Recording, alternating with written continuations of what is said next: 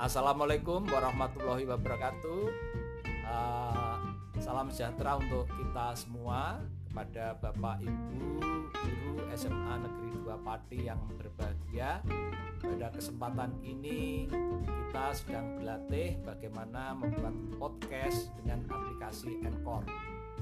Aplikasi Encore ini sangat mudah digunakan untuk membuat podcast dan podcast ini sangat bermanfaat pembelajaran juga.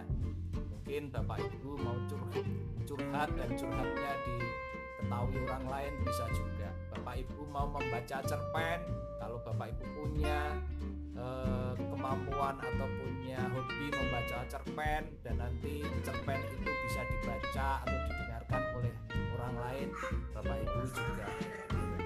Terima kasih.